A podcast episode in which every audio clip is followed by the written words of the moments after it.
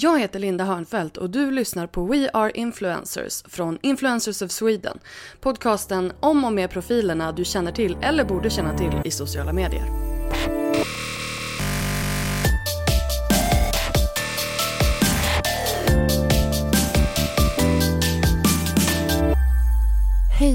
Och välkommen till ett väldigt speciellt avsnitt av We Are Influencers. Det är väldigt speciellt för mig eh, och även med mig tror jag många bloggveteraner som var med på tiden då eh, bloggen liksom kom egentligen till oss alla. Vi snackar ungefär tio år sedan då eh, en kvinna verkligen så stack ut i att bygga, börja bygga det här yrket till vad det blev till slut. Eh, folk kallar mig ibland för bloggmamman, men nej, nej, nej, nej. Den här tjejen är the original bloggmamma. Jag pratar såklart om Ebba Kleberg von Sydow och hon är dagens gäst i podden.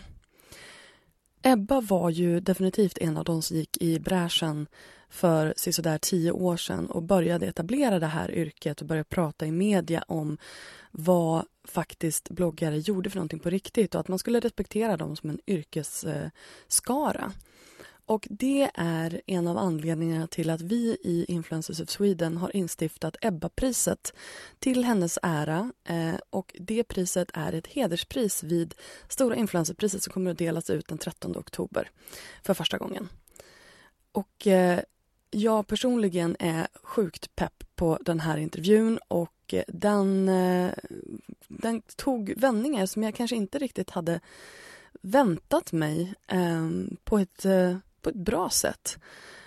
Ebba och jag pratar om just den här tiden. Vad, vad var det som hon och Veckorevyn egentligen gjorde ur ett historiskt perspektiv?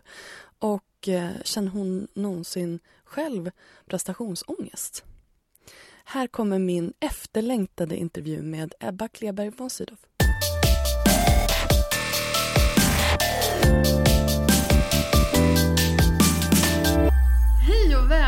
Välkommen Ebba Kleberg Mosidov. Tack så mycket. Äntligen är du här. Nej men äntligen är du här. Det är faktiskt du som är här på mitt kontor. Ja, jo, jag vet. Men äntligen är du med i podden. Det här ja. är ju liksom, det här är ju bucket list moment. Mm, vad härligt. För, för mig. Ja, men jag är jätteglad att vara med. Väldigt roligt. men vad roligt. Vad mm. glad jag är. Eh, du behöver ju förmodligen ingen vidare presentation egentligen, men jag tänker ändå att du... Jag, jag, tycker alltid det är lite roligt när folk berättar om sig själva, så jag tänker att du får göra det. Mm, usch, det är ju inte något härligt alltså. eh, jag trivs ju väldigt mycket... Cringe, liksom. jag mm, trivs ju generellt mycket bättre eh, med att um, presentera andra och så kanske därför eh, jag råkar jobba mycket som programledare. För att det är liksom eh, eh härligt att boosta någon som sitter intill och berätta om dem och också se hur den personen reagerar då. Det är ofta väldigt roligt.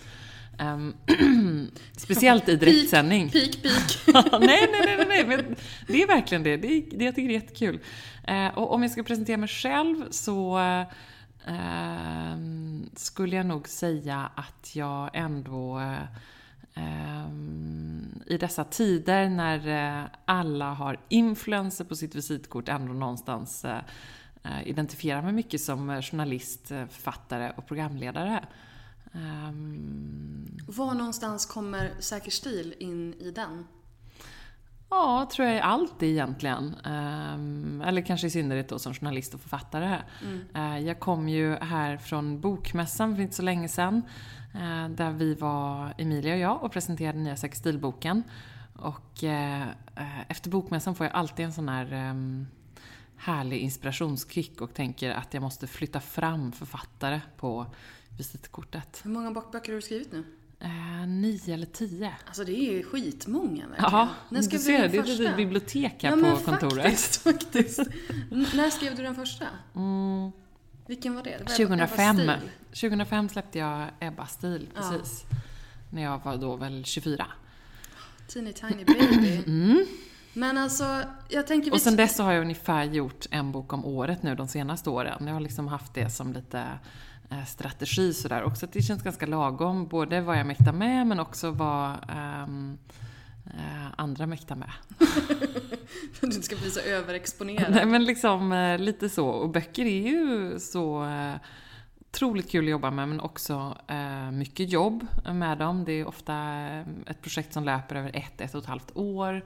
Eh, även då en bok som min gravidbok exempelvis. Eh, där skriver jag ju fackböcker där man samlar in så mycket eh, expertröster, fakta.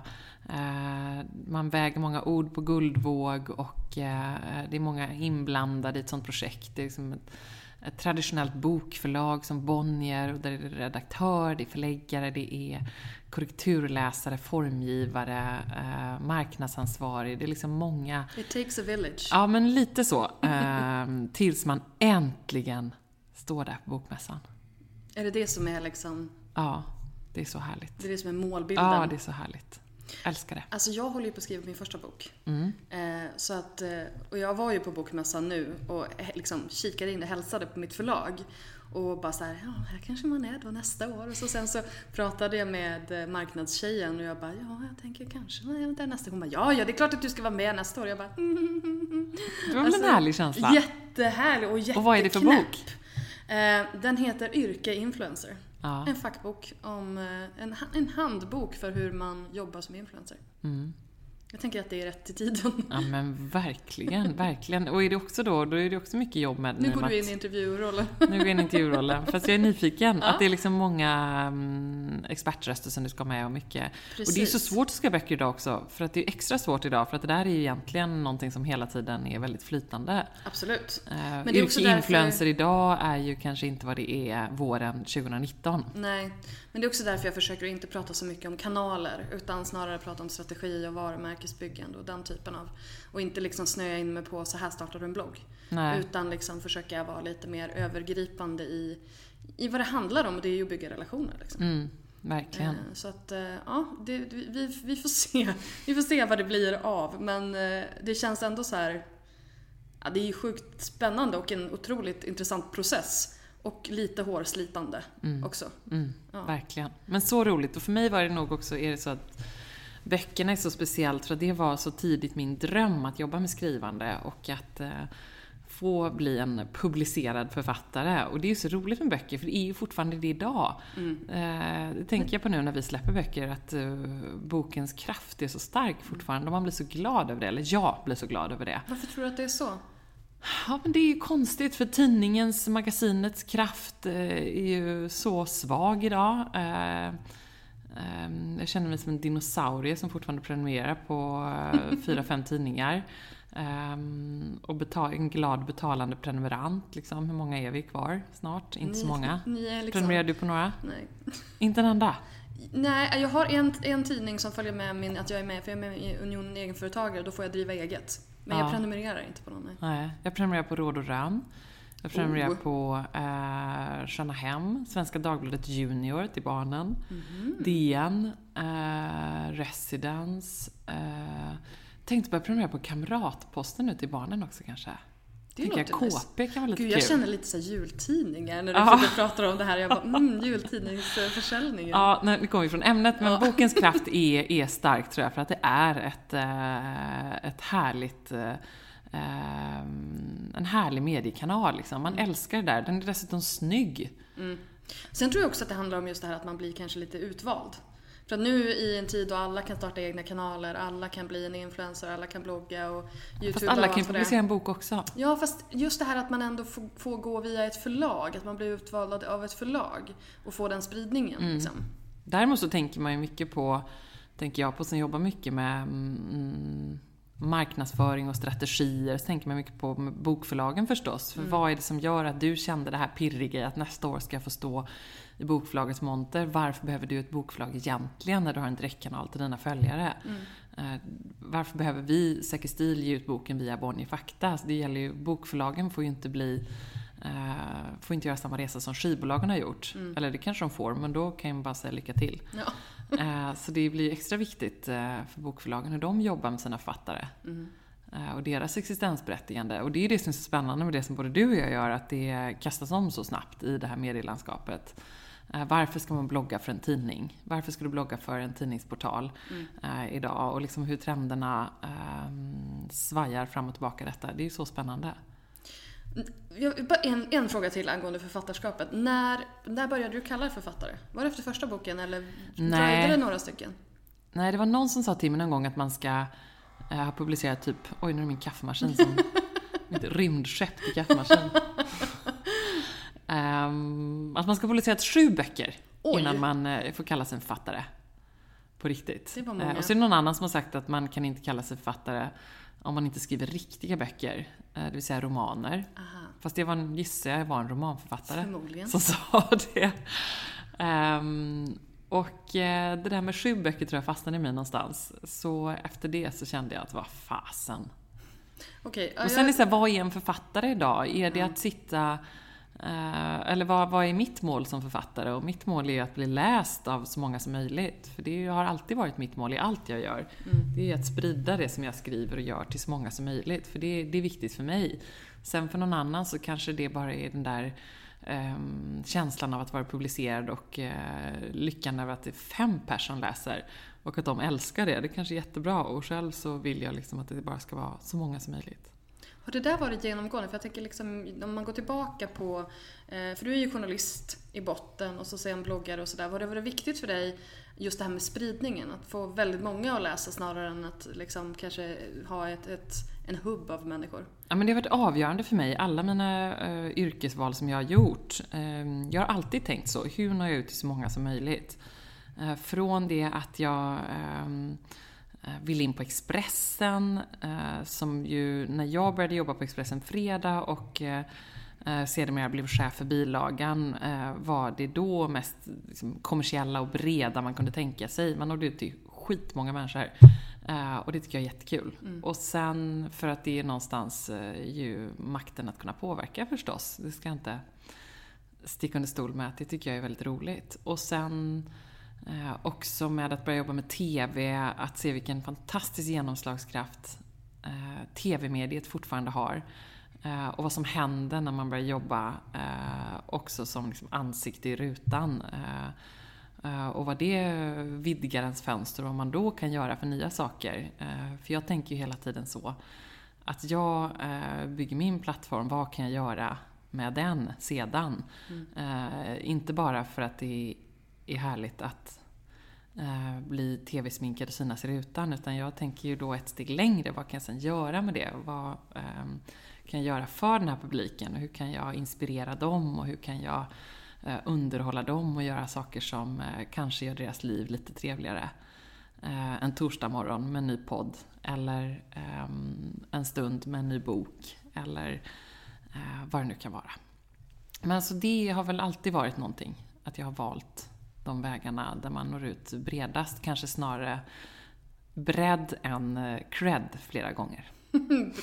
Bra citat. jag bara, där har jag veckans, eh, veckans liksom, grafikomslagscitat.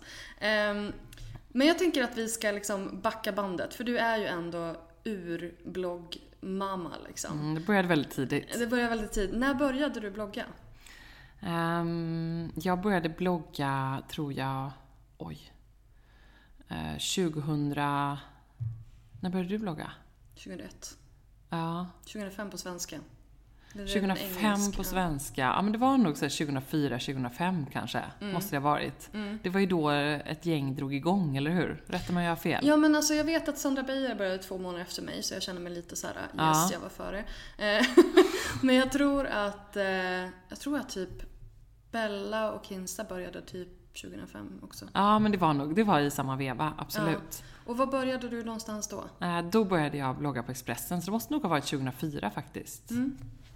Det här vill jag ha med i min bok, så att liksom, du, måste, du måste ha en siffra här nu. ja, men absolut. Jag vill ju heller inte uh, ljuga här, men jag är ganska säker på det för att... Uh, jag försökte googla på det här, det gick inte. Nej, uh, det är underbart. Saker som inte går att googla på.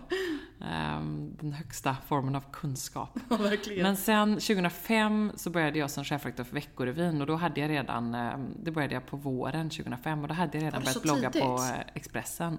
Det var så tidigt alltså? Ja. Um, så så var det absolut. Så det var nog 2004 på hösten ja, då. Ja. Och då var det väldigt enkel blogg på Expressen. Det var jag, några till profiler. Ganska många tröttnade på det ganska fort för det var väldigt komplicerat att uppdatera och inga så bilder. långt ifrån, nej inga bilder. så långt ifrån Wordpress man kan komma. Men en enorm genomslagskraft genast. Jag kommer ihåg att det kom någon kille rusande från eh Eh, teknikavdelningen och eh, trodde att han hade tittat fel på siffrorna för att det var så många som hade klickat in på den här bloggen. Eh, det var ett helt otroligt genomslag. Så det var ju verkligen i en tid där det fanns ett jättesug efter den här typen av reality i då bloggform. Mm. Vad tror du att den, det suget kommer ifrån? Jag tror att det suget eh, just då ehm, var en eh, naturlig del i hela den eh, mm, liksom lite egofixerade, persondrivna journalistiken och kändiskulturen som eh, föddes eh, kring eh, millennieskiftet 2000-2001. Eh, med hela vågen av eh, Paris Hilton, eh, Jennifer Lopez, alla de här superstjärnorna som liksom blev så mycket mer än bara skådisar, artister, Ehm, och designers och eh, byggde sina egna varumärken. Ehm, du tänker så, för jag tänker att det var liksom en del, det var en del. realityserie Ja men det blev ju också en del mm. av realityserie. Vad, vad, vad blev Paris Hilton sen? Hon blev mm. ju realitystjärna. Eh, TV-serie, Big Brother, liksom hela den eh, mm Eh, så du har absolut, jag håller med dig om det. Liksom. Det var också en del i det. Att man började liksom hitta den här fascinationen för den vanliga människan på något ja, vis. den vanliga ovanliga människans Precis. liv med eh, lite strössel och extra allt. Liksom. Ja. Och sen då eh, 2005 så kom du till Veckorevyn. Ja, och då hur, fortsatte jag blogga där. Hur kom det sig? Jag blev headhuntad eh, dit eh, av ehm, en eh, chef för Bonnier Tidskrifter helt enkelt. som eh, hade sett vad jag hade gjort med Fredagsbilagan och eh, ja, men både tror jag PR-mässigt eh, men också förstås eh, upplagemässigt. Ehm, för det blev en stor framgång. Mm. Ehm, och sen kom jag till Veckorevyn. Och berätta, vad gjorde du, vad gjorde du på Veckorevyn i, liksom när det gäller just bloggosfären? Ja men det var ju så roligt för att i, vad jag tror tilltalade mig mest med Veckorevyn var ju att det då var den största tjejtidningen. Den största tidningen för, eh, eh, för unga tjejer i Sverige och ju en tidning som eh, många i min generation hade en väldigt stark relation till bakåt i tiden. Mm. Så på det sättet, precis på samma sätt som jag lockades till Expressen så lockades jag ju till Veckorevyn för att mm många har en åsikt om en sån produkt, en sån tidning. Och det är alltid roligt. Du vill roligt. gärna liksom ja, men det är alltid peta kul. lite. Ja, det är alltid roligt. um, gud ja. Det är, jag har nog aldrig haft ett jobb som en uh, bordsherre vid en middag typ aldrig haft en uh, åsikt om. ja men du vet, det är liksom alltid roligt att um, peta lite och, och lite provocera lite ja. i, i det lilla. Ja. Um, bara genom att existera. Bara genom att existera gör man ju ändå det, så kan man lika gärna ösa på. Precis. Um, men jag tror att det matchade så bra någonstans med hela bloggboomen som kom då. Uh, och idag när jag ser på Veckorevyn så kan jag tänka att, så kan jag tänka att varför uh, hela friden fortsatte de inte Uh, att uh, ha kvar det priset som vi instiftade och jobba mm. vidare med det. Uh, för vi byggde en grund till en fantastisk plattform. Absolut. och det var jag och så var det, ska jag också ge mycket cred till min kollega där som heter Fredrika Haglund som var marknadschef på Veckorevyn. också en liksom pionjär inom Eh, hela bloggosfären och hade en eh, mycket bra känsla för just vad det var som eh, behövde göras. Mm. Så vi tillsammans startade ju det här Blog Awards. Vi startade bloggträffar. Vi hade enormt höga ambitioner om att starta just mötesplatser och forum för alla de här tjejerna. För det var nästan bara tjejer, mm. några enstaka killar. Men som var som lite ensamma små öar där ute runt om i Sverige och hade sina egna små universum. Och vad, vi såg nog vad som kunde hända om man samlade eh, krafterna. Eh, och jag minns så väl, det var så kul för att jag frågade på en av de första träffarna så här, åh men är det någon här som tycker att ni har ehm, som tycker att ni har makt? Jag var med då. Visst var det på ja, Spybar? Ja, precis. Och det var så kul. Ja, du var med då, ja, eller hur? Det var i publiken. Ja, det var så roligt. Och det var så här, kanske ett par stycken som räckte upp handen lite försiktigt sådär och så uh, hade vi liksom ett uh, samtal om det och, och, man pratade om det under kvällen och uh, idag så är det ju helt självklart att man inser sitt värde men det gjorde man verkligen inte då. Eller tyvärr är det väl inte så självklart som det borde vara idag och det vet ju du som jobbar med det här och det är därför ert arbete är viktigt. Men åtminstone på den nivån, tack. Åtminstone ja. på den nivån där man faktiskt liksom tjänar pengar och, och, och driver det som ett yrke. Där har man väl ändå någonstans insett eh, sin makt, åtminstone de som har varit med väldigt länge. Men det finns ju också väldigt många som, som är som de här bloggbebisarna var för tio mm. år sedan.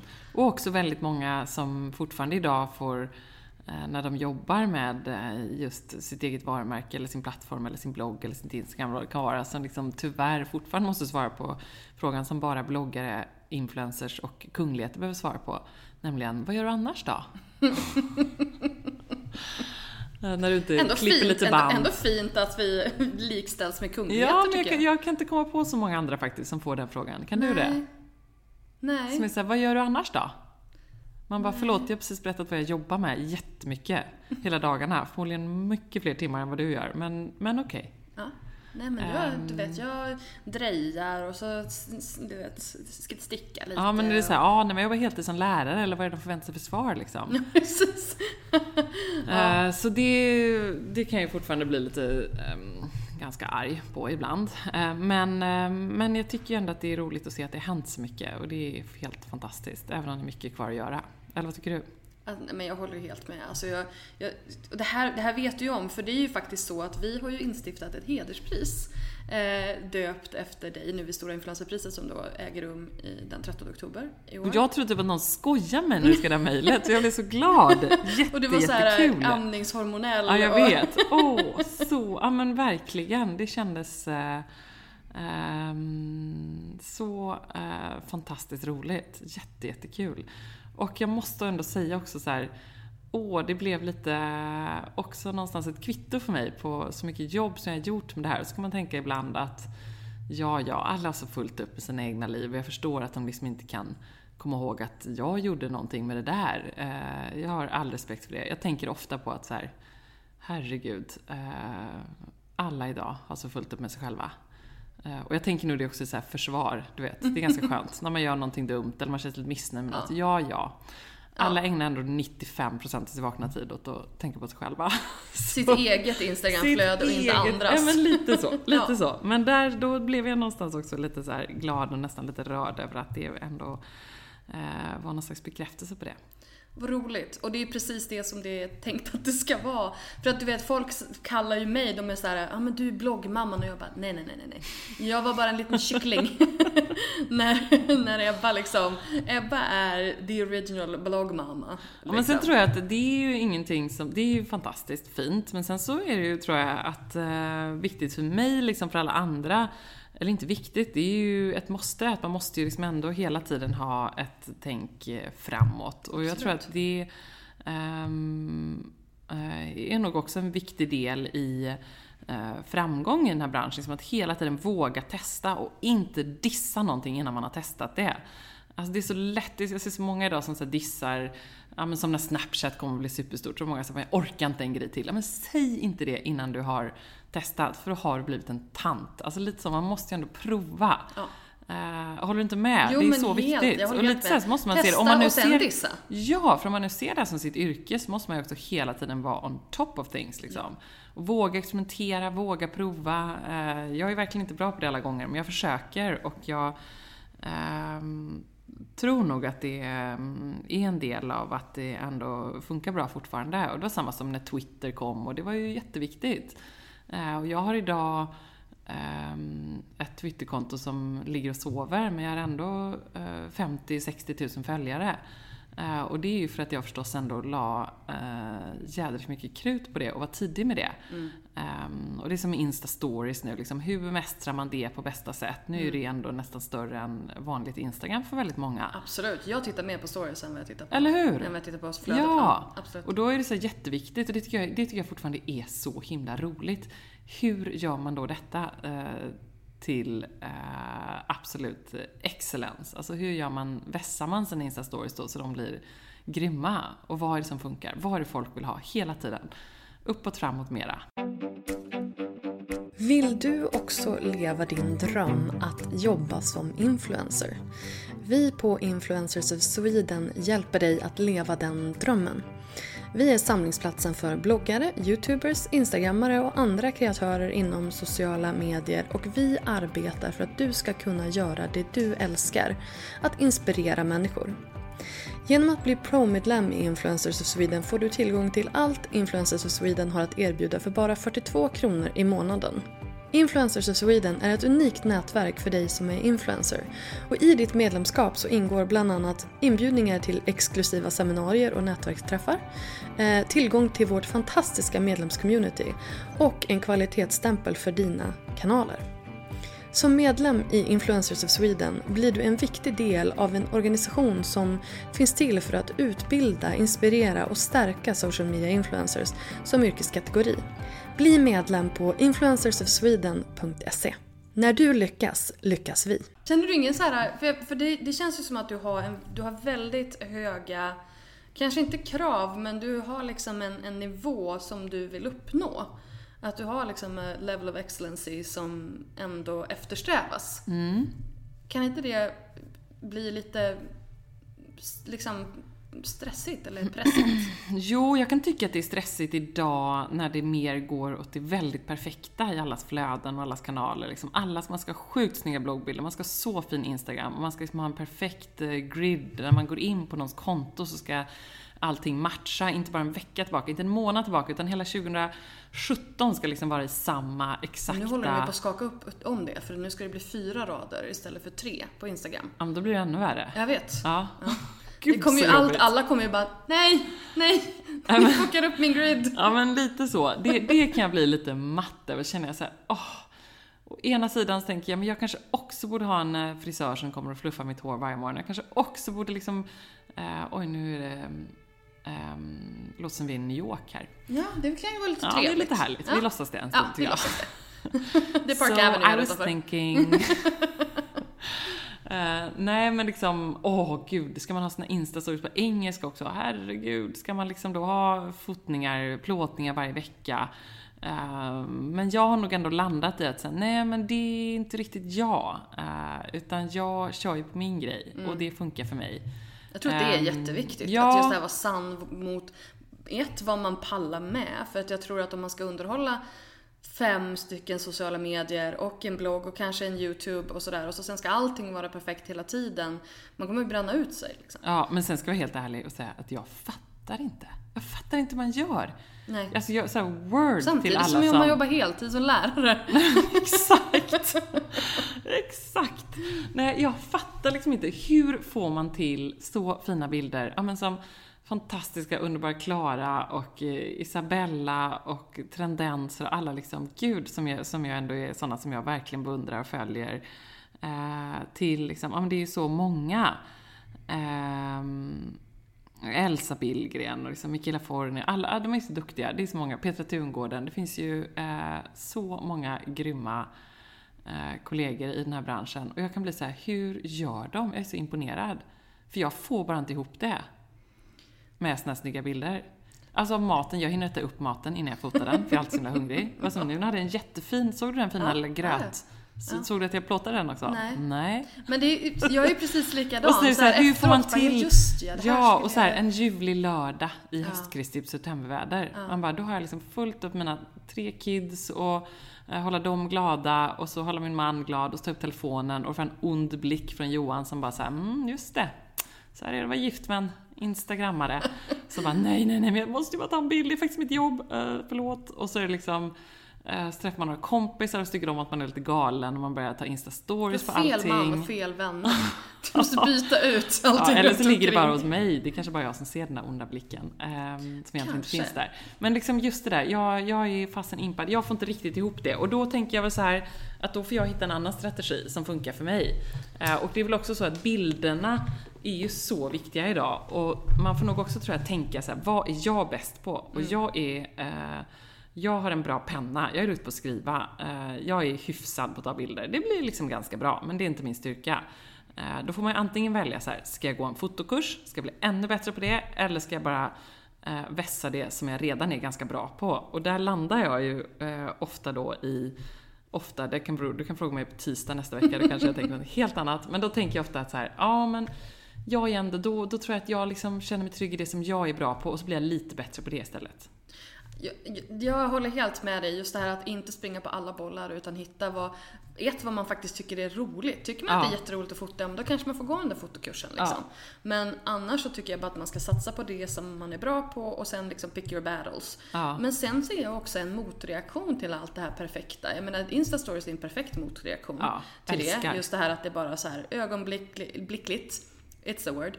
Och eh, att, att man bara plockar upp, jag gick och körde en rant på min kvällspromenad härom, häromdagen och det var typ, vissa stunder så såg man inte mig för det var mörkt, det var inget gatlyse liksom, men jag bara bla bla bla babbla på liksom. Ja. Um, och sen så ser man också... Känner du dig bekväm att prata själv på Insta-stories när du går? Ja. Gud, jag är fortfarande inte bekväm med det. Men du är ju mediepersonlighet. Nej, men jag tycker det ändå känns va? lite, ja. Lite som Fredrik Eklund eller någonting när jag går så på, på Karlavägen fram och bara bla bla bla. Och så tar man så omtagning och så tänker man så här, gud vad är detta jag håller på med egentligen? Men eh, man får bara vänja sig. Jag älskar också när, det är som när skådisar, de är så här, okej okay, mitt jobb är att låtsas. Ja. Det låtsas att jag är någon annan. Det är inte heller sådär, och du vet fotbollsspelare som springer och jagar en liten boll. Det är inte heller det finns Nej. orimlighet i väldigt många ja, yrken. Verkligen. Så att jag är bara så här, äg det bara. Ja. Och jag är så här, innan jag ska plocka upp telefonen, då är jag lite så här, men när jag väl börjar prata, då är det som att the stage is mine. Ja, och så får man bara låtsas att man pratar med sin mamma annars. Ja, men precis, precis. Nu är ju ändå, folk kör ju faktiskt ja. Facetime ute på, ja. ute på gatorna, så man kan ju bara låtsas det ja. istället. Nej men just den motreaktionen, men sen ser jag också många bloggar som är så här, gå tillbaka till att bara lägga upp mobilbilder. Ja åtminstone blanda sina fina bilder med det. Men då blir det också så här, man kanske får ett större krav på sig att göra oftare. Och sen just det här att det, det känns närmare på något mm. vis. Och det beror ju lite på, för jag känner ändå att det är lite grann, om jag får analysera dig här, eh, så känner jag ändå att det är lite grann så jag uppfattar dig. För att på bloggen och instastories och sådär, då är du lite mer avskalad, lite närmare, lite mer vardags-Ebba liksom. Medan Säker stil är väldigt uppstyrt välpolerat, och liksom. välpolerat. Liksom. Precis. Ja, och det tycker det jag ändå är en ganska skön um, liksom balans. För att hade du bara varit säker stil, då hade du inte varit lika tillgänglig och li lika liksom nära. Och Nej, det och det, det, varit... det 100% perfekta är ju och kommer aldrig bli intressant. Nej. Inte för mig eh, och inte för många andra. Så är det ju bara, jag följer en hel del sådana konton men eh, intressant blir det ju aldrig. Det kan mm. bli fascinerande, Eh, det kan vara... Eh, inspirerande? Ja, det kan vara inspirerande och det kan vara... Rent visuellt? Ja, men absolut. Det kan det verkligen vara. Eh, det kan vara väldigt stressande, vilket det väldigt ofta är. Men intressant blir det aldrig och jag mm, strävar nog ändå efter det. Intressant och mm. inspirerande. Mm. Och lite att alltid kunna liksom erbjuda en dos av um, att uh, liksom lätta andras stress och press lite grann. Liksom. Vilket jag det som jag alltid tänker så här, när man, när man bjuder hem någon och har det stökigt hemma så ska man alltid tänka att det är en present som man ger till de som man bjuder hem. För att då eh, det är en liksom, väldigt god tanke, den ska ja, jag ta med jag, mig. Men jag tänker, alltid, jag tänker ofta så. Ja. Det är samma som jag har kommit till något möte och så har jag typ hål på strumpan. Det har aldrig Emilia eh, min sextilkollega. jag har väldigt svårt att se liksom, henne med ett hål på strumpan. Ja men det har ni, det har jag. Och så står jag på bokmässan, då har jag en stor fläck min kavaj. Det har inte Emilia. Eh, och det har inte Emilia. Hon har faktiskt en fläck på sin blus i och för sig. Men sprang hon och bytte. Ja, såklart. vilket man älskar med henne. Um, och det gör jag uppriktigt verkligen. Det är därför vi kompletterar varandra väldigt bra just. Ja. Man ska hitta en partner som kompletterar en.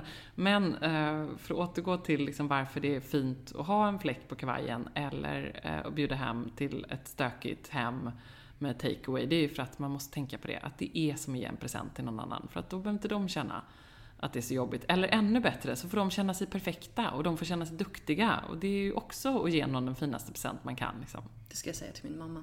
Ja. Nästa gång hon är så här bara, men gud det är så stökigt. Och jag bara, vart. Ja. Eh, så då kan jag säga det, men det är en present till de som kommer över. Ja, men lite så. Ja, jag tycker verkligen bra. man ska tänka så. Ja, vad bra. Jag tycker att den var, jag känner mig lite lugnare nu över min, mitt väldigt håriga hem i och med ja. att jag har två husdjur. Ja, men precis. men eh, jag vill ju hänga mig kvar lite i, i liksom Veckorevyn-tiden mm. där, för ni hade ju också en otroligt stor eh, bloggportal. Mm. Och det var väl bland de första som, alltså jag känner ju så att ni, du, tog bloggportalen, eller blogg, bloggosfären och gjorde den lite till eran. Mm. Och, och det jag... var nog också eh, tanken just. Och, eh, Fredrika då, som jag nämnde, marknadschefen där och jag, som eh, jobbade med det här dag och natt liksom. Vi, vi, eh, vi levde ju för detta och vi brann så för detta. Och det var ju också verkligen en en tanke i att så här, fasen, här sitter vi med ett uh, tungt varumärke, Sveriges största tjejtidning och uh, vi har Bonnier tidskrift i ryggen och vi kan faktiskt också göra någonting som är bra uh, för de här tjejerna. Vi kan hjälpa dem och vi kan liksom peppa dem och vi kan se till att folk blir bättre på att ta betalt. Mm. Jag är ju... Eh, Gör att grund... de känner sig viktigare? Ja, så bra. Jag är ju eh, feminist i grunden och, och ur det perspektivet var det också så viktigt. Um, får ofta frågan så här, åh nu när jag jobbar med säker stil, varför gör ni inget för killar? Och liksom med veckorvin så här, gör ni inget för män? Och liksom, eller vet, är det inget för killar? Och gör ni inget manligt mode? Och gör ni så här, bara, jag nej. Jag lite med ögonen här. Ja men lite så. Och det gör du helt rätt i. Och som när jag stått på Nobelfesten och kommenterat kläder. Varför pratar ni inte om männens kläder? Bara, nej, för att det gör så mycket ändå. Och det är oviktigt i sammanhanget för mig. Jag skiter i det, jag är inte intresserad. alla ser typ likadana ut. Ja, men de är lite så. De gör ju faktiskt det. Um, Nej men så, eh, hur kopplar det till Veckorevyn? Jag tappade tråden. Ja. Hur Nej, men just det här att ni kunde vi, göra någonting. Vi kunde med, göra någonting ja. gott och det, det eh, finns med som en röd tråd i allting jag har gjort. Eh, och det är jag väldigt stolt över. På samma sätt är jag väldigt stolt över att vi eh, jag eh, valde att steka alla artiklar om eh, bantning och Eh, snabb eh, viktnedgång i Veckorevyn när jag jobbade där. Och det har varit så mycket i den. Och det är klart att vi sålde nog några färre nummer. Eh, på grund av det, eller kanske snarare tack vare det. um, men det är jag jättestolt över. Det tycker jag att du ska vara. Jag menar, det, det kommer ju inte helt gratis att ta ställningstagande. Nej, verkligen inte. Uh, man betalar liksom ett eh, pris. Då betalar man lösnummer. Idag betalar man ett pris i, i likes liksom. Um, eller bristen på likes som är vissa eller saker som man gör. Eller elaka kommentarer. Eller elaka kommentarer förstås. Har du, på den här tiden så var det ju ändå, det var ju en, hel, det var en del bloggbråk och sådana saker. Men det var ändå hyfsat lugnt med näthat, var det inte det? Mm. Eller? Ja, ja, kanske inte för dig. Nej, det... Men då fick du ju också ta Det var liksom det färre, eh, ett par eh, riktigt ehm, ehm, engagerade eh, näthatare eller liksom nätstalkers, som man ska säga, som ju kunde ta väldigt mycket energi förstås. Mm. Och jag hade en sån som var efter mig i flera år. Oj. Och som jag dumt nog gjorde en polisanmälan. Ehm, för det ledde absolut ingen vart och det enda, den enda konsekvensen av det var att eh, Expressen fick reda på det eftersom det är en offentlig handling förstås med en polisanmälan och gjorde en första sida på det och plockade en eh, bild, eh, den enda de kunde hitta tror jag, där jag såg jätteledsen ut. För jag ser inte ledsen ut så ofta. Um, och la upp den på första sidan och eh, skrev liksom en eh, artikel om det. Och där och då bestämde jag mig för att eh, inte låta det ske igen. För jag pallar inte riktigt liksom, att vara ett ansikte för näthatet på det sättet. Mm. Så jag är väldigt glad över de som tar den fighten. för det gör man ju någonstans när man går ut med det. Men um, jag har valt att liksom tiga ihjäl väldigt många grejer, mm. Ehm, helt enkelt. Men det är ju också ett, alltså det är ett aktivt val just det ja. att man måste välja sina pick your battles. Ja, jag tror inte riktigt jag har pallat heller. Alltså det är ju så här, alla dessa hemska brev man har fått hem och liksom äh, hemskheter verkligen som, som man har råkat ut för, tyvärr. Uh, har jag liksom valt att inte hantera offentligt uh, nio gånger av tio. vissa gånger så har jag skrivit om det och det gör jag ibland när jag tycker att det är viktigt och när man måste. Mm. eller känner att det kan göra skillnad kanske mm. snarare. Så här, jag är väldigt konkret, så här, jag är väldigt konstruktiv i det jag gör. Tänker så här, men okej, om det här då åtminstone kan göra skillnad eller uppmärksamma ett problem som då kanske kan bli lite mindre för att jag uppmärksammar det, då kan det vara vettigt. Men Uh, många gånger så har jag valt att inte riktigt göra det för att jag inte pallar. Har det funkat som i att liksom tysta kritikerna? Har det blivit mindre av det? Ja, men lite kanske. Jag vet inte. Uh, mest nog faktiskt, det är kanske lite egoistiskt, mest för min egen skull, för jag har inte riktigt orkat. Liksom. Ibland känner man så här, åh, jag vet nu. Jag skulle kunna skriva om det här, skulle, det skulle kunna bli jättediskussion, men jag, jag orkar inte riktigt. Liksom. Mm. Uh, jag mäktar inte riktigt med. Ja, men det är det jag tänker att om man inte pratar om det heller, att, att, att det kanske kommer mer, för att, eller att folk tycker att ja, ja, men du har det så bra, du får inget hat i och med att du inte pratar om Nej. det. Finns det någon risk för det? Mm, ja, det vet jag inte riktigt. Uh, jag kan nog på ett uh, större plan tycka att det bara känns viktigt att diskussionen kring näthat eh, finns liksom och, att, och vilka det drabbar och vad det gör med personer och liksom det, det klimat vi har idag på nätet. Och den tycker jag, den diskussionen har ju tack och lov eh, eh funnits. Mm. Eh, annars hade jag nog känt att jag måste ta tag i det här för att eh, ingen annan gör det. Eller vad tycker du? Alltså jag känner att bloggar generellt nu känns det som att det är ganska lugnt. Ja. Kanske för att det är äldre personer som rör sig i just bloggosfären mm. nu. Men, det är ju, men Youtube är ju ett laglöst land mm. när det gäller just näthat. Mm. Och det, det lyfter ju folk där. Men de är ju också själva unga. Ja. Så att jag vet inte... Jag vet ärligt talat inte hur man ska liksom komma åt det. För att det verkar inte funka att hänga ut folk heller. Jag menar folk är ju öppet nazister på Facebook med namn och allting. Alltså, ah. du vet, det, det, verkar inte liksom, just det här att bli publicly shamed, det funkar inte längre för att alla är offentliga idag. Mm. Så att, eh, jag vet inte. Jag hoppas ju, alltså jag tror ju att lösningen på alla problem är kommunikation. eh, och att det här, i det här fallet så kanske det handlar väldigt mycket om att föräldrar måste sätta sig in i vad deras barn tittar på på Youtube. Vilket, för jag menar, jag sitter ju i styrelsen för, för Mediaakademin eh, och vi presenterade Maktbarometern eh, förra veckan på MEG innan bokmässan. Och eh, då visade det sig att de, liksom bland de tio största youtubersarna ja, i, i Sverige så är det typ tre, fyra stycken som skulle lätt kunna liksom definieras som hat och eh, mobbkonton. Så folk tittar ju på det här men de förstår inte heller skillnaden mellan alltså den här youtubern, vad den personen har för makt versus vad man själv har för makt som sitter och tittar på. De, man likställer den här personen som man tittar på med en själv därför att han sitter ju också i sitt vardagsrum och spelar in och jag sitter här och tittar. Man, man ser inte att man, är, att man har olika playing fields, så att säga. Ja. Så att när, när de här personerna då hänger ut en privatperson som har skrivit en, en elak kommentar um, och liksom börjar då person, göra personangrepp på den här personen som har skrivit kommentaren. Då, då, då ser man inte som barn att det här är att man har olika nivåer av makt helt enkelt. Ja, när man ser liksom inte faran i att hänga ut någon Nej, på det sättet. Nej, precis. För man förstår inte att den här personen Ingen lyssnar på den personen för det är ingen som följer den personen. Mm. Men den här personen lyssnar 300 000 personer på. Vilket mm. betyder att hatet mot den här personen blir så mycket nu pekar jag mm. här, det var inte så poddvänligt. men, men hatet mot den här lilla personen blir så otroligt mycket större. Ja. Och det, det, förstår man inte för man ser inte perspektivet liksom. Nej. Um, och det är ju såklart otroligt oroväckande och så som mamma känner jag också såklart att uh, man är livrädd för, för den här uh, filterbubblan. Ja. Uh, det är kanske det som är läskigast av allt kan jag tycka.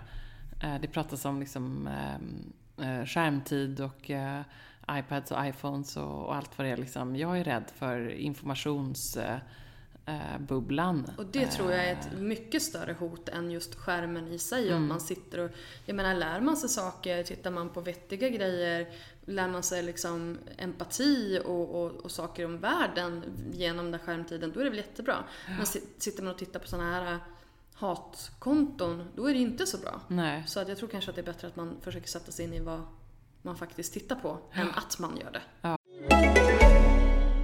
Places to go, people to see, we're always on the move. Enter Expressi by Essie. It's the quick dry on the fly nail polish that dries in about a minute. Their angled brush makes for easy self application in one simple step. No base or top coat needed. There are 40 unique trans-seasonal shades ready to go for any mood. From muted, vibrant pinks to unexpected blues, these shades allow you to mix and match and express who you are. Plus, with their vegan-8-free formula, you can look good and feel good too. Learn more at Essie.com. Ja. Mina stackars barn, eh, de får läsa Svenska Dagbladet Junior och titta på eh, Aktuellt med mig.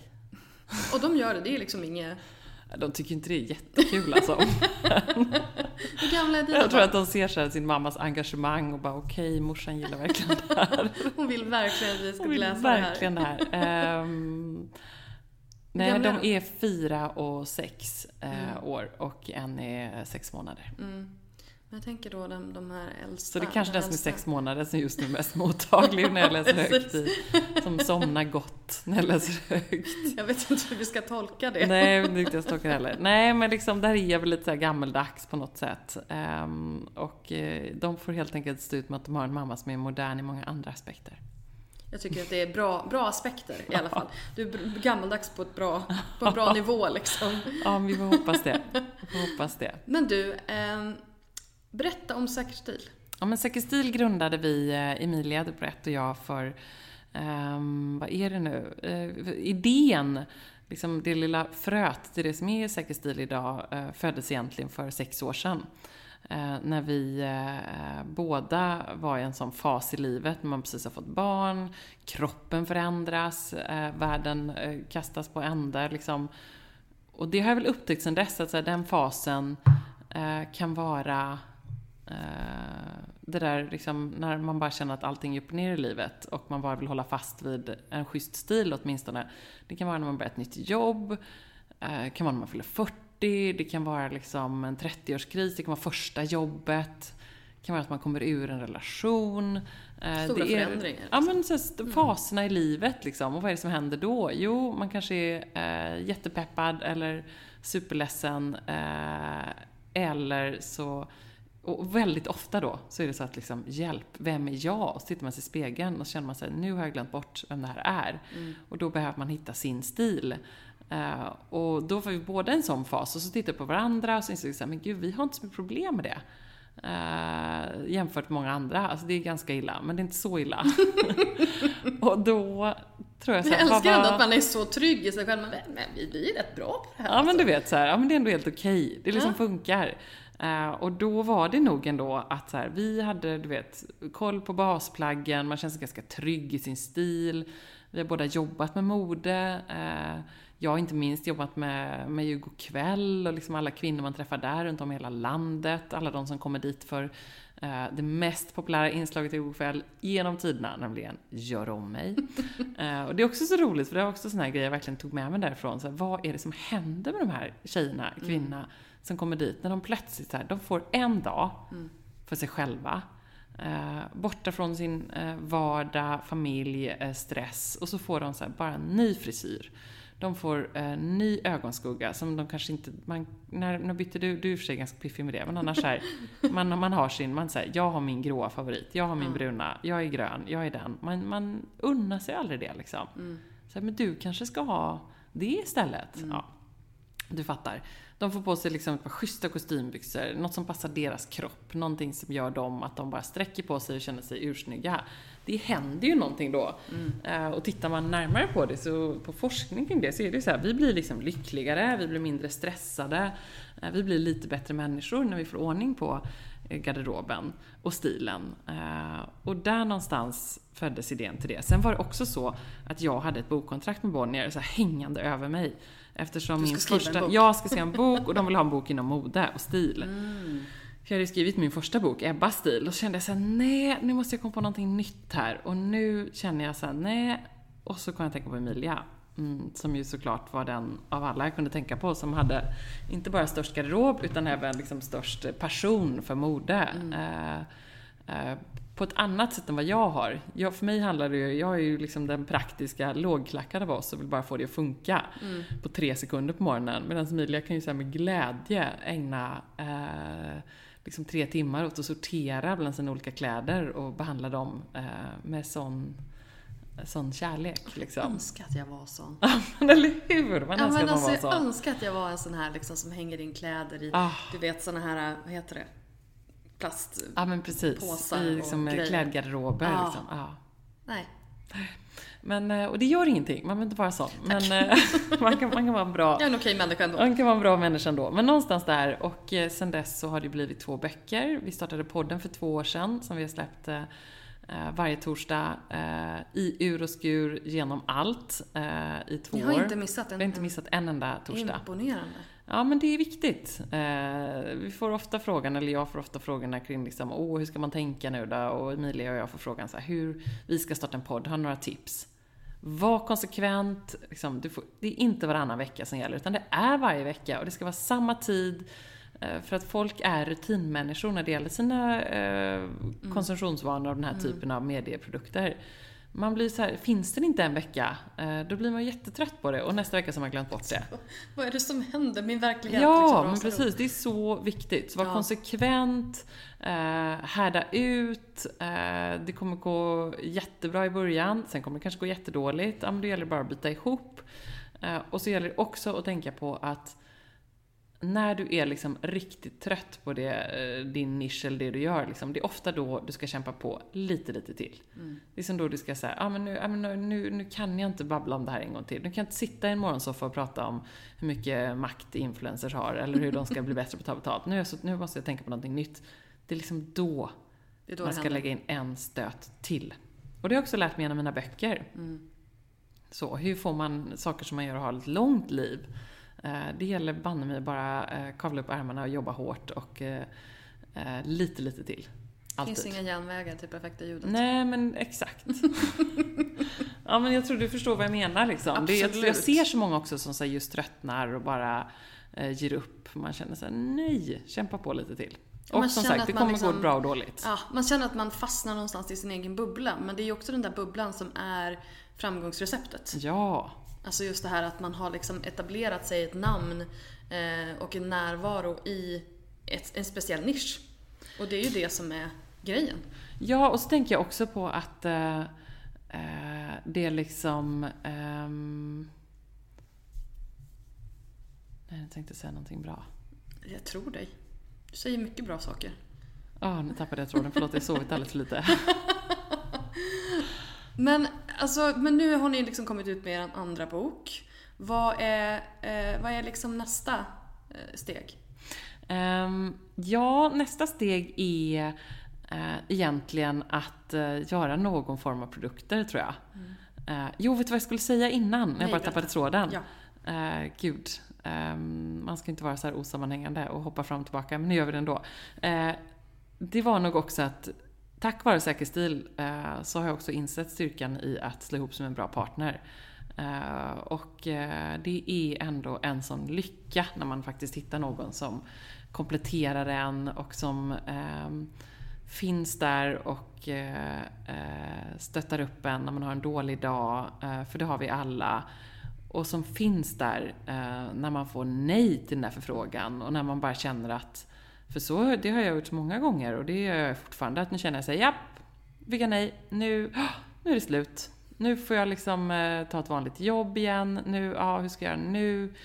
Gud, ja, ja, jag vet inte vad jag ska göra. Jag får hitta på någonting helt annat. Nu är det liksom slut på det roliga. Nu har jag jobbat med det här några år. Nu kommer ingen, nu kommer alla, kommer bara rasa, alla följare på Instagram. Alla kommer sluta läsa bloggen. Nu är det liksom någon annan som är hetare. Eh, ja, men du vet, den där liksom jag, jag, jag, jag blandar alltid ihop om det är så självförtroende eller självkänsla. Jag vet inte hur många gånger jag har googlat nog, på det. Det där är nog själv, själv, alltså, självförtroende handlar om det man gör, självkänsla handlar om det man är. Okej, du är båda nog ganska dåliga då. Vänta, vad sa du nu? Det man gör, det man är. Precis. Vilket var det man är då? Självkänsla. Ja, men var det känslan? Ja, det är oftast den. Ja. Det är oftast den som vacklar. För självförtroende handlar ju om så här, du vet att du är en kompetent yrkesperson. Du vet ja. att du kan de saker som du kan. Du vet ja. vad du har att erbjuda. Det är självförtroende. Men om alla de här grejerna skulle försvinna, skulle du fortfarande vara värt någonting då? Nej. Det är självkänsla. Exakt.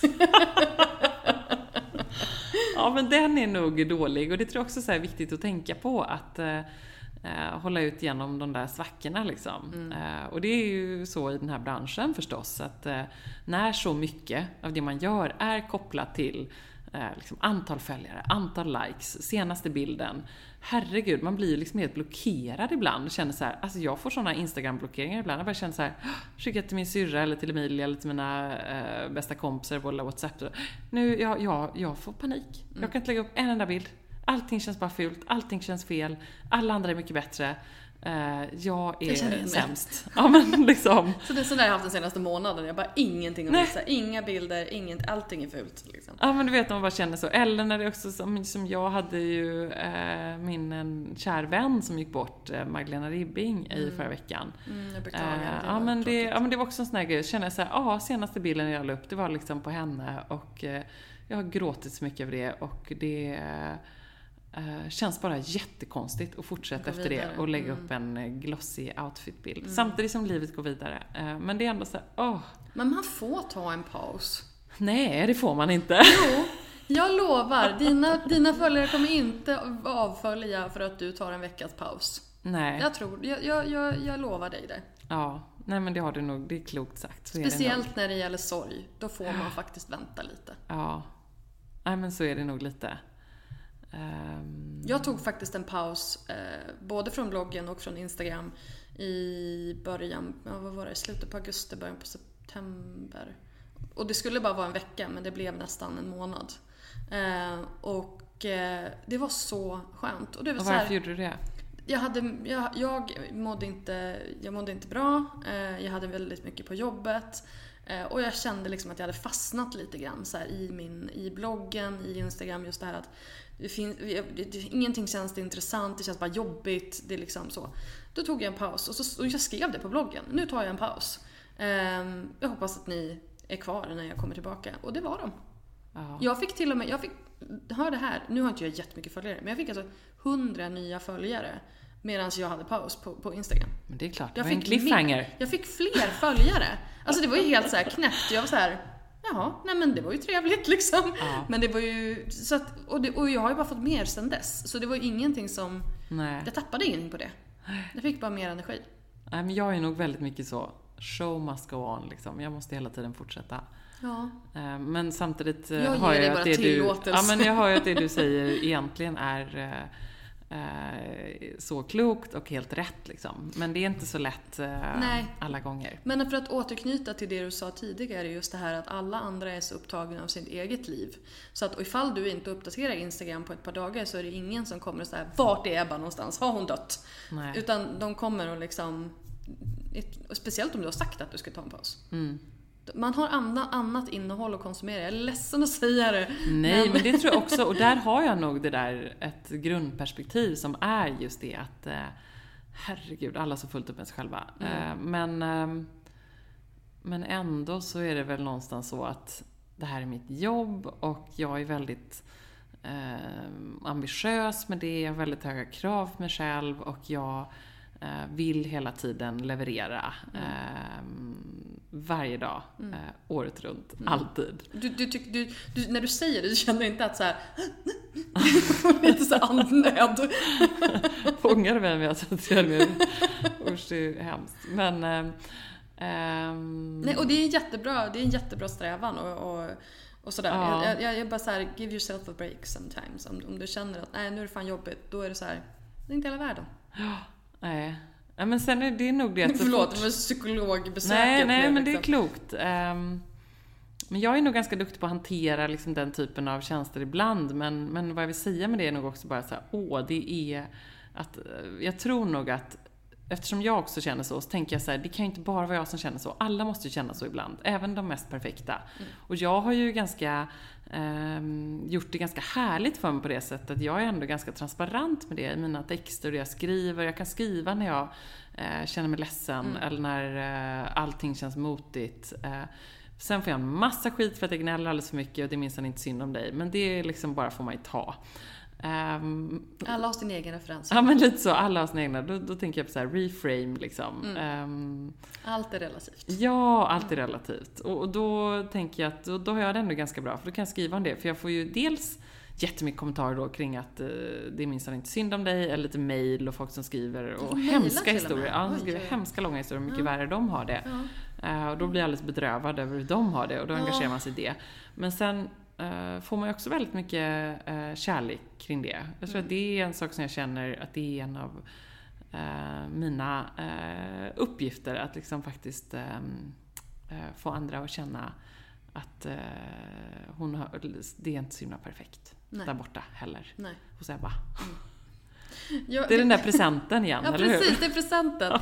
Vi ska, vi ska avsluta med den presenten, men innan vi avslutar så vill jag bara ha så här, du, du har tipsat eh, loss här, men ändå så här, tre grundläggande tips för att, eh, för att lyckas som, med sitt liksom online-varumärke. Ja, eh, köp ingen dyr kamera.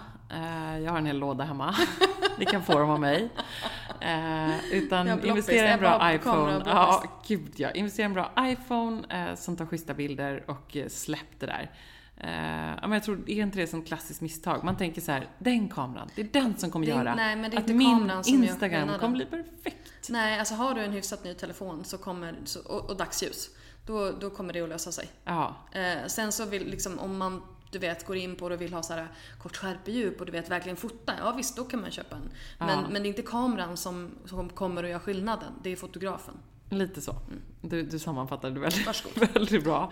eh, det tycker jag är jätteviktigt. Eh, sen eh, tänker jag också på ehm, Ja men kanske på det där att eh, just hitta det som engagerar. Alltså det kan ju vara de små sakerna, men att hitta um, det som driver liksom kommentarer och engagemang. Och det är ofta det banala, herregud, det är liksom så här, Ska jag välja ett par ljus, ljusrosa eller vita gympadojor liksom? Jag kan ju, ibland får jag ju så enormt mycket eh, respons på just den typen av enkla grejer. För att folk älskar att engagera sig i ens vardag. Mm. Det är så, jag ska ta en kaffe latte eller en cappuccino. Eh, alltså det, du vet. De där du, enkla du, små ja. vardagsbesluten. Ja. Lätta där man liksom svar. Inte, ja, lätta svar. Där man, så här, man vet ju själv. Jag kan inte heller så här, låta bli att engagera mig. Om någon står så här, vilken klänning ska jag ha? Den eller den? Mm. Ja, då är alltså, man ju där. Ja, då är man ju där. Ja, Så liksom, tänk på det. Eh, för det är viktigt att ibland få det där engagemanget och få folk att faktiskt skriva den där kommentaren. För det är så himla många som eh, läser och skriver och konsumerar utan att, att like eller engagera sig. Och det är viktigt att få det där engagemanget. Um, och sen tänker jag, får jag bara ge tre tips? Du får ge hur många du vill. um, ja, om jag ska säga var bjussig uh, och nätverka. Uh, och det är faktiskt uh, fortfarande efterlyser jag väldigt mycket. jag tänker på det mycket nu i poddvärlden. Um, att det är så många gånger när man lyssnar på andra poddar och folk är lite snåla. Jag kan tycka så att det kostar liksom ingenting. Det är inte så att om du eh, taggar någon annan eller skriver, säger att du hörde någonting i en annan podd. De kommer inte sluta lyssna på din podd och bara lyssna på deras. Eh, eh I så fall får du göra en bättre podd. Exakt. Alltså, lite så här. Samma sak med liksom länkar. Alltså, ja. De kommer inte att lämna dig. Nej, de Nej. kommer inte det. Och så här, boosta, hylla, mm. eh, i det lilla och i det stora. Man behöver liksom inte skriva hyllningsinlägg till andra hela tiden. Eh, det är härligt med sådana som gör det, men eh, men att bara säga förbifarten, jag kan tycka att det är lite trevligt. Det är mm. liksom lite vett och etikett också. Ja. lite hyfs. Hylla Magdalena Ja, men jag kan faktiskt tänka det. Det, ja. hade, det hade hon också eh, tyckt varit viktigt. Och sen kan jag faktiskt också säga ett tips som hon var eh, så mästarnas mästare på, nämligen att eh, besvara kommentarer och mejl. Och jag önskar att jag var bättre på det själv, jag ska bli ännu bättre på det. Men det är ändå A och O för ett framgångsrikt företag. Och det är trots allt ett företag du driver här liksom. Att du måste eh, ha världens bästa kundtjänst. Så viktigt. Och din kundtjänst är just att besvara. Om det så är sen Eh, kritik, ingenting. Eh, din, din största kritiker kan ju bli ditt största fan om du bara ger den personen ett bra svar. Det är så ofta vi får eh, liksom mail eh, till Säker stil eh, där man kanske ibland känner såhär, åh, jag vet inte, jag snubblade förbi eran podd men hon undrar, kan ni hjälpa mig med det här? Eh, och så svarar man och så får man liksom dialog med den personen och eh, eh, det är ju helt underbart roligt. Man har ju de mest lojala fansen där sen. Mm, absolut. Um, så det tycker jag är så viktigt. Ägna tid till det. Mm. Så försumma inte din inkorg på Facebook eller vad det nu kan vara. Mm. Och som sagt, jag skulle bättre på detta själv också. Men tycker inte du också det? Det är så viktigt. Jo, men Lajka kommentarer, absolut. gå in och svara. Men sen är, sen, sen är det en liten fråga på den. Ska man svara på allt eller bara på frågor? Jag tycker man kan svara på allt man hinner. Mm. Alltså att engagera sig. Ja, ja, men börja med frågorna. Men engagera sig så mycket man bara kan. Mm. För det vet man ju själv, man, alla vill bli sedda. Mm. Um, så det är så viktigt. Um, och sen, um, ja... Uh, funderar på vad... Ja, jag ska också säga ändå med säker stil där att just hitta en bra partner. Mm. Ehm, jag vet att jag sa det tidigare, men jag vill ändå understryka det, liksom att teama ihop sig. Det är en sån styrka idag. Ehm, när det är så många solospelare i vår bransch. Liksom. Så himla viktigt. Jag kan också beundra de som slår sig ihop och liksom startar um, annonsnätverk eller de som startar uh, sitter på kontor ihop eller liksom, um, jag vet vad tycker du? Blir folk bättre på det? Absolut, absolut. Mm. Alltså det där ser vi ju bland våra medlemmar nu hela tiden. De fixar ju, de, de ordnar såna här mastermind-grupper, alltså, vilket är typ som lite kollegor, två, tre personer som har en konstant löpande Facebook-dialog och som, ja, men som blir lite varandras bollplank. Eh, och ingen är ju bättre än just dem att komma Exakt. på så här, om du sitter, du kan ju få så tio blogginlägg eller ja. tio stycken idéer för ja. din Instagram om du bara käkar en lunch med någon. Precis. Eh, det är ju så bra. man vet ju ofta att alla älskar, och, alla älskar att ge råd till ja. andra liksom. Det gör jag med. Det finns ju inget roligare än att coacha. Och du, när du kom hit nu precis till mitt kontor satt jag här med två tjejer som håller på att starta ett, eh, ett klädmärke och ett Jaha. företag. Uh, och varför var de här? Ja, men då var de också så här, åh, hörde de bara av sig och sa, det vore så roligt om vi kan få skälla 40 eh, minuter av din tid ja. för att presentera vår idé och höra dina tankar kring marknadsföring, sociala medier och PR. Hur ska mm. vi få ordning på det här? Mm. Och det är ju så här, det är ju jätteroligt. Mm. För att just när man inte heller är liksom en del av det, då kan man ju sitta där och bara bombardera dem med idéer. Och många där ute kan tänka sig göra det, tror jag. Absolut. själv också. Mm. Så det tycker jag känns så viktigt och bra. Jag tycker det var väldigt fint av dig att du tar dig tid att, att göra sånt. Ja men det, åh, det, jag tycker det är så roligt. Det är så kul. Jag hoppas bra. att, såg de glada ut när de gick tyckte du? Ja, gud ja. de var inte helt så här. De, de, de, gick ut och jag bara, trevligt att inte träffa er. Alla hade fullt med att prata med varandra kanske? nej men, jag, nej, men alltså, vi, hade, vi hälsade ju aldrig dem, de vi gick om varandra. Jaha okej. Okay, så det var okay. det, det, var det de var nog, de var nog väldigt, lite bara. Liksom. Ja, vad bra. Eh, och sen, eh, ja men gud, det är så mycket. Du får skriva en bok. Eh, nej men det en... behöver jag inte för du skriver ju den boken. Det är så ja, bra. precis, jag tar, den, jag tar dina tips nu. Ja, nej men verkligen. Jag ser fram emot din bok. Det tycker jag är toppen. Tack. Och också det är så roligt att skriva böcker. Alltså tänk vad härligt när du står där på bokmässan. Du kommer älska det. Ja, alltså just nu är vi inte vänner. Jag och min bok. Nej. Nej. Men du vet, det är väl det är som alla relationer. Man, ja. man går liksom i vågor. Ja. Eh, men det är väl också så här, nu är det, upp, det är ju upploppet nu. Då ska ja. man ju liksom sy ihop allting. Och då får jag så här, jag går igenom en liten skrivkrampperiod just nu. Åh, oh, vad jobbigt. Mm, det är lite jobbigt. Men, men då har du eh, säkert andra som du kan bolla med?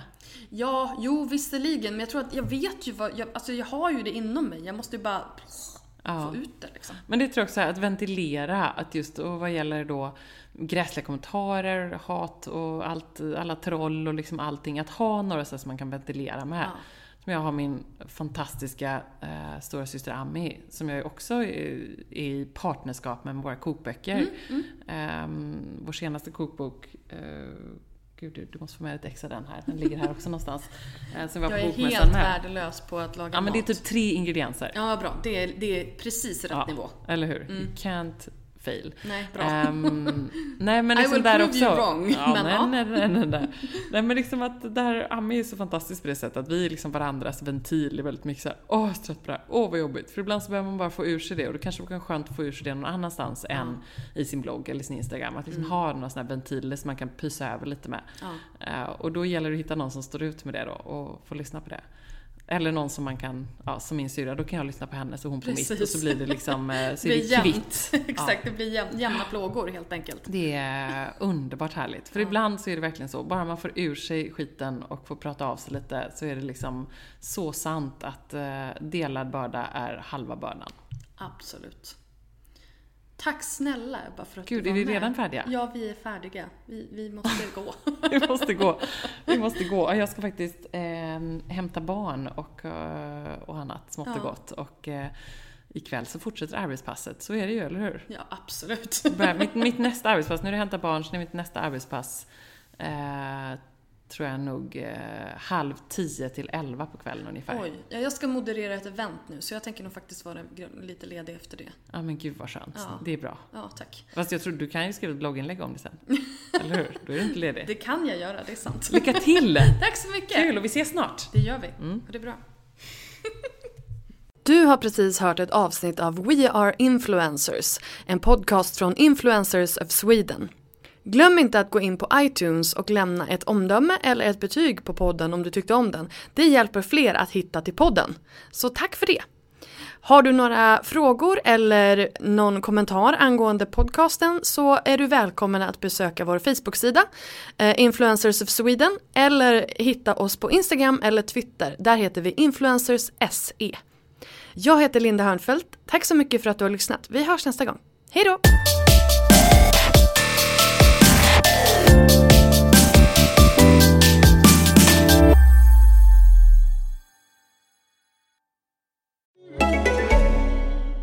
Hey, you! I want to tell you about Expressi for Messy. It'll only take a minute. Seriously. This quick dry on the fly nail polish dries in about a minute. With 40 unique colors, you can mix and match for whatever mood you're in. Self application is a breeze. The angled brush makes it easy to apply with both hands and in one simple step. No base or top coat needed. To make it even better, Expressi has a vegan, 8 free formula. Look good and feel good too. Learn more at essie.com.